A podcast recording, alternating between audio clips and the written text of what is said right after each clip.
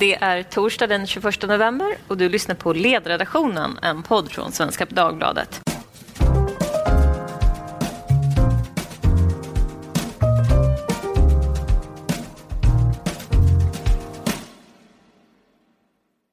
Jag heter Lydia Wåhlsten och idag så sitter jag på en konstig konferensstol någonstans i Budapest. Och det gör jag för att Timbro anordnar sin konferens som heter Demography is Destiny. Så nästan hela redaktionen är faktiskt här. Och Timbro har då bjudit in ett antal talare, både från Sverige och internationellt, för att ta tempen på hur samhällsläget ligger, eller ska man säga kanske tidsandan. Och tidsandan ska då vara demografi. Och varför det är demografi, det ska vi prata om idag och det gör vi då med Timbros VD Karin Svanberg Sjövall. Välkommen till din egen konferens. Tack så mycket Lydia. Och med mig har jag också Benjamin Dosa, ordförande för MUF. Tack. Ja, Karin, om jag börjar med frågan varför demografi? Därför att den demografiska förändringen är vid sidan av teknikutvecklingen skulle jag säga den största, viktigaste och mest djupgående metatrend som pågår och som kommer att påverka inte bara Sverige utan liksom alla samhällen mest på djupet de kommande 30 åren. Och vi pratar om det lite sådär snuttifierat ibland. Det finns en gryende insikt om att vi har en demografisk förändring som pågår i Sverige som kommer att sätta press på välfärden. Och då pratar vi om kanske på fyra års sikt. Men vi pratar inte så mycket om att ungefär 50 procent av all befolkningstillväxt förväntas ske från Afrika de kommande 50 åren medan hela västvärlden förväntas minska ganska mycket i befolkningsandel. Och det här kommer ju förstås få stora effekter på, på migrationen exempelvis. Men det kommer också få stora effekter på hur marknader fungerar. Mm. Är det så att Sverige kanske har klarat sig undan den här demografidiskussionen lite grann för att vi har lite andra former av system som måste kvalificera sig till än vad andra länder har? Ja, vi har lyckats skjuta fram en del av de här problemen genom att vi ändå har ett åtminstone matematiskt sett hållbart pensionssystem. Exempelvis att vi just har en kvalificeringsprincip gör ju att vi inte haft de diskussioner som man såg i Brexit-debatten exempelvis. Där väldigt många britter, kan jag tycka på goda grunder, var rätt förbannade över att man, man skickade barnbidrag till Polen därför att det fanns polska arbetare på, på plats. Det här var ju liksom en faktor där som skapar väldigt stora spänningar att vi inte har den typen av diskussioner bygger ju på att våra system i grund och botten är mer hållbara. Men de är fortfarande inte tillräckligt hållbara. Um, vi har ju fortfarande den här principen om den i princip helt och hållet offentliga finansieringen som jag inte tror kommer att gå när vi får en befolkningspyramid som ser annorlunda ut. Vi kommer att ha en minskad andel uh, av befolkningen som befinner sig i produktiv ålder. Och då är det också rimligt att man börjar diskutera hur de här välfärdssystemen ska vara liksom, eh, organiserade eftersom de bygger på att vi har en generellt hög sysselsättning som jag tror kommer vara väldigt svår att uppnå i mm. framtiden. Och imorgon ska jag då faktiskt eh, moderera en känd demograf som heter Wolfgang Lütz på just det här temat. Och det han säger då, det går tycker jag lite grann emot det Moderaternas partiledare Ulf Kristersson pratade om här. För då pratade han just om att invandrare måste kvalificera sig och sådär. Och de här modellerna som den här Wolfgang Lütz har tagit fram då, den säger att nej, invandring är ganska knepigt att få in.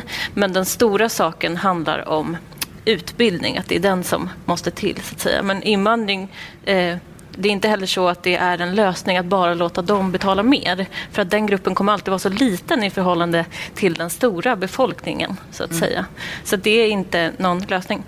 Benjamin, jag tänkte vända mig till dig. Eh, Karin intervjuade ju din partiledare Ulf Kristersson här alldeles nyss. Och då pratade de lite grann om reformer och att vårda reformer. Och, eh, kan du berätta för våra lyssnare, vad var det egentligen de sa?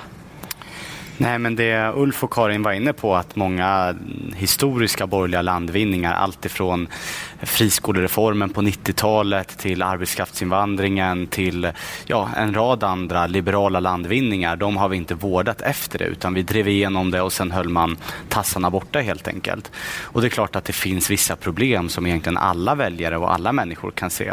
Till exempel med friskolor. Vi ska ju försvara marknadsmekanismerna, inte enskilda företag. Det är alltså dåligt om friskolor såväl som kommunala skolor bedriver dålig undervisning och låg kvalitet. Men då har vi på högersidan kanske varit rädda för att kritisera de, de, de felen och eh, det som behöver reformeras helt enkelt för att man är orolig för att man kanske som tappar hela reformen eller att det, det vore ett sätt att skicka signalen att man egentligen var emot det. Så att det pratar han ganska mycket om och det ligger väl mycket i det. Att det är klart att vi ska fortsätta göra nya landvinningar eh, för mer marknadsekonomi men det handlar också om att vi ska hantera de problemen som uppstår i våra befintliga system. För jag tror så här, ta som friskolorna till exempel. Hade vi haft i, i princip all annan upphandlad verksamhet där man har en statlig finansiering eller offentlig finansiering men att det är privata aktörer, då har man ju flera parametrar. En vårdcentral, det kan vara uppemot 40 parametrar så att det ska vara hög kvalitet och det ska vara korta väntetider. Gör man det i tid och snabbt och bra, då får man mer pengar. Gör man det inte, då får man kanske i värsta fall inga pengar alls. Så ser det ju inte ut för friskolor. Och det tror jag har underblåst de krafter som helt vill ha bort friskolor från Sverige. Mm. Men Karin lyfte också frågan om att vårda ihjäl reformer, det vill säga att du på punkt från annan när du får kritik så börjar du backa och till slut har du backat så långt att det är inte så mycket av ursprungsreformen kvar. Ser du något sådant problem? Nej, och det är ju, det är ju liksom en socialdemokratisk trojansk häst på många områden där man försöker att eh, helt enkelt börja kritisera borgerliga reformer och sen får man med sig fler och fler och då ska ju inte de helt enkelt få vinna den, den avslutande matchen. Jag tror att man ska hålla fokus på de riktiga problemen. Eh, vi pratade om arbetskraftsinvandring. Är det på riktigt ett problem att det kommer thailändska bärplockare hit och plockar bär som ingen annan i Sverige vill plocka egentligen? Nej, det är inte ett problem. Då behöver vi inte åtgärda det. Är det ett problem att man kommer till Sverige, tar ett jobb för kanske 13 14 000 kronor i månaden. Sen får man ta hit sin familj på 3, 4, 5 personer och de blir försörjda av svenska skattebetalare. Ja, det är ett problem. Det måste vi åtgärda. Mm. Så det handlar om att hålla fokus på problemen och inte på det LO eller det Socialdemokraterna säger. Mm. Men det här med försörjningskrav på sig själv då, ska man fort, fortsatt kunna leva på 13 000? Ja, jag, jag tycker att det aldrig någonsin får vara ett problem för politiken eller för, för, eh, för Sverige att det kommer Problemet i Sverige är att det kommer för många som inte jobbar. Det är inte ett problem att det kommer för många som faktiskt jobbar. Eh, så att arbetskraftsinvandring, även om det är på väldigt låga löner, tycker inte jag är ett problem. Problemet är att man kan ta hit sin familj som blir försörjda på andra skatte, skattebetalares bekostnad. Mm. Karin, eh, det var några som i publiken som tyckte att du hade en, ett visst ansiktsuttryck när du intervjuade Ulf Kristersson, som att du var lite skeptisk ändå. Och då vill man ju gärna höra, vad var det du kände där i arbetskraftsinvandringen som gnagde? Nej, men jag, vill säga, jag håller ju med om grundanalysen kring att det här är en väldigt viktig reform som är i behov av eftervård. Det är inte så att vi lever i den bästa av världar idag eller att det här fungerar perfekt. Men det som har oroat mig med diskussionerna som har förts eh, inom borgerligheten nu, det har dels handlat om just de här nivåerna som Benjamin var inne på nu. Jag tycker också att man borde ha försörjningskrav på anhöriga. Det är ganska självklart att man borde ha det. Och i synnerhet förstås ifall man lever på den typen av låga löner. Det är helt uppenbart att det är väldigt svårt att försörja någon på det. Men det finns ju ganska stora delar av svensk industri idag som är helt beroende av arbetskraft som, som där lönerna ligger på ungefär den här nivån.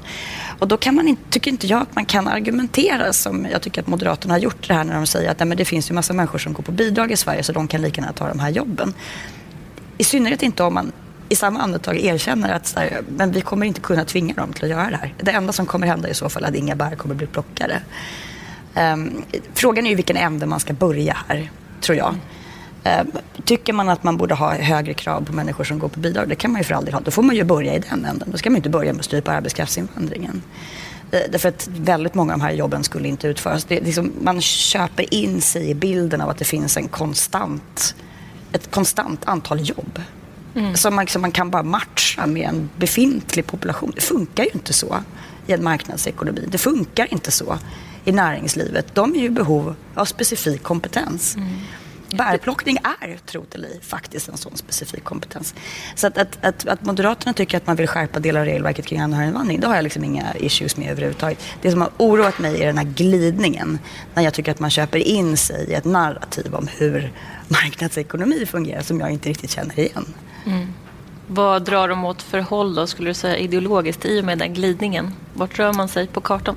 Nej, men man rör sig ju mot Expressen ledares otroligt statiska syn på stat och samhälle och på näringsliv där grundantagandet är kontroll. Och det är ju ofta intuitivt. Man vill gärna ha det på det sättet. Jag vill nog mena att de flesta försök att kontrollera ekonomin är dömda att misslyckas. Eh, man pratar gärna om marknadsmisslyckanden och sådana finns för all del. Man pratar inte så mycket om de politikermisslyckanden som finns samtidigt som just de kompetensutvisningar som vi ser är resultatet av regelskärpningar. Skolboksexempel på unintended consequences. Mm. Så det finns liksom, det, det, finns väldigt lite av ödmjukhet kring hur svårt det också är att reglera eh, den här typen av sektorer utan att det får den typen av konsekvenser. Mm. Eh, för att växla över då till den här konferensen som vi är på. Just nu så sitter vi då i ett helt tomt rum där alla gäster har lämnat inför middagen. Men vi sitter här träget för vi bryr oss inte om hur vi ser ut, eller hur? Eh, nej, vi bryr oss mer om idéer. Och då tänkte jag fokusera på de personer som du har valt att bjuda in då i din roll som eh, tankesmedjechef.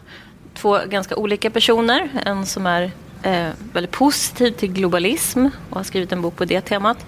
Och en person som kanske snarare menar att ja, det här har en viss konsekvens. Och han är känd för de flesta och heter David Goodhart. Mm.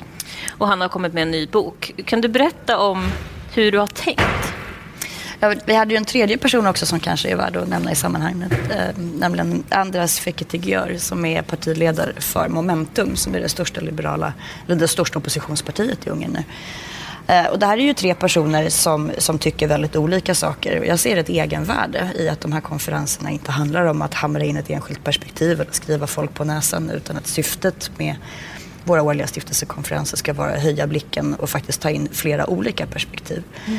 Men om du ska sammanfatta kort den här eh, Goodheart versus då? Ja, eh, vi har då Dalibor Rohak som kommer komma ut med en bok på Timbro förlag som heter till eh, Globalismens försvar som kommer i januari.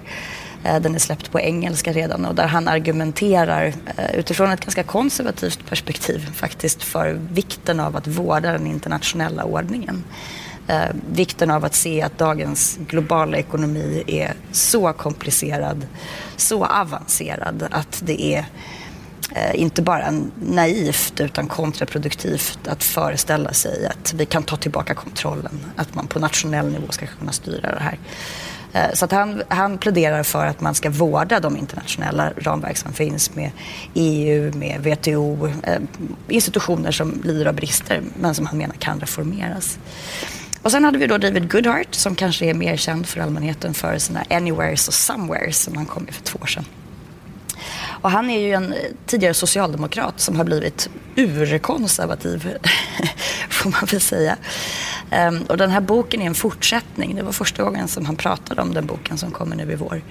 Eh, på Anywhere och Somewhere-perspektivet. Men där han nu vänder sig mot meritokratin som, som ideal. Där han menar att eh, smarta människor och välutbildade människor har för mycket makt och att vi har fått en skev balans i samhället mellan hjärna, hand och hjärta.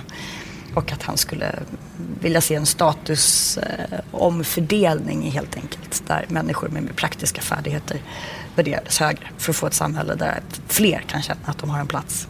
Mm den här meritokratikritiken tycker jag blir, växer sig allt starkare. Jag tycker ja. den är ganska intressant även från vänster. Men, och jag håller mycket med i, i liksom själva problemformuleringen. Dock inte det här 50-50-tänket som han sa när han sa med självklarhet att ja, 50 procent de kommer alltid vara liksom under genomsnittet i begåvning. Och det här är då ett jätteproblem och det är egentligen ja, ganska uppenbart.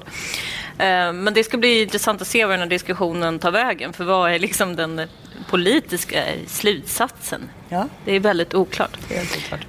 Benjamin, du har varit på konferensen idag. Hur, vad är ditt intryck? Uh, vad har du tagit med dig än så länge?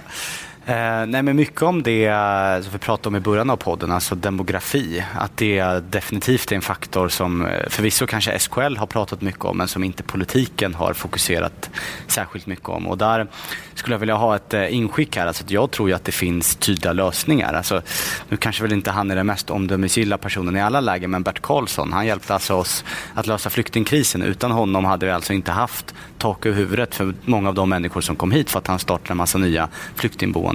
Det går alltså att lösa den här typen av, av frågor med mer av privata inslag, mer av entreprenörer, mer, mer Bert Karlsson helt enkelt. Kanske inte just han men, men äh, låter man privata fastighetsägare få bygga nya äldre, äldreboenden, låter man eh, privata alternativ få drifta de här äldreboendena, då kommer det alltså inte vara ett problem att få massa äldreboenden i tid. Men ska kommuner och landsting göra det, ja då har vi stora bekymmer framför oss. Mm. Överlag då, vad tror du det har för betydelse att det finns sådana här rum för borgerligheten att mötas i, i bredare bemärkelse? Det är väl ingen hemlighet att det var väl eh, lite bättre stämning för, för ett år sedan och kanske allra mest för två, tre år sedan än vad, vad det har varit eh, för borgerligheten det senaste året. Eh, och det är väl egentligen den här mandatperioden skulle jag väl säga är Eh, lite make it or break it för vissa partier om de ska vara en del av svensk borgerlighet eller inte. Eh, och där tycker jag mig väl att ändå Liberalerna vill söka sig in och vara en del av borgerligheten. Eh, och framförallt Nyamko och partiledningen. Så det finns väl ändå ljus i den borgerliga tunneln. Stort tack för att ni kunde vara med idag i den här lite annorlunda podden då eftersom att vi sänder lite små-live från Budapest som ser ut att vara en väldigt fin stad här utanför fönstret. Eh, Benjamin Dosa, ordförande för MUF och Karin Svanberg VD för Timbro. Och eh, hör gärna av er som vanligt på ledarsidan svd.se. Tack.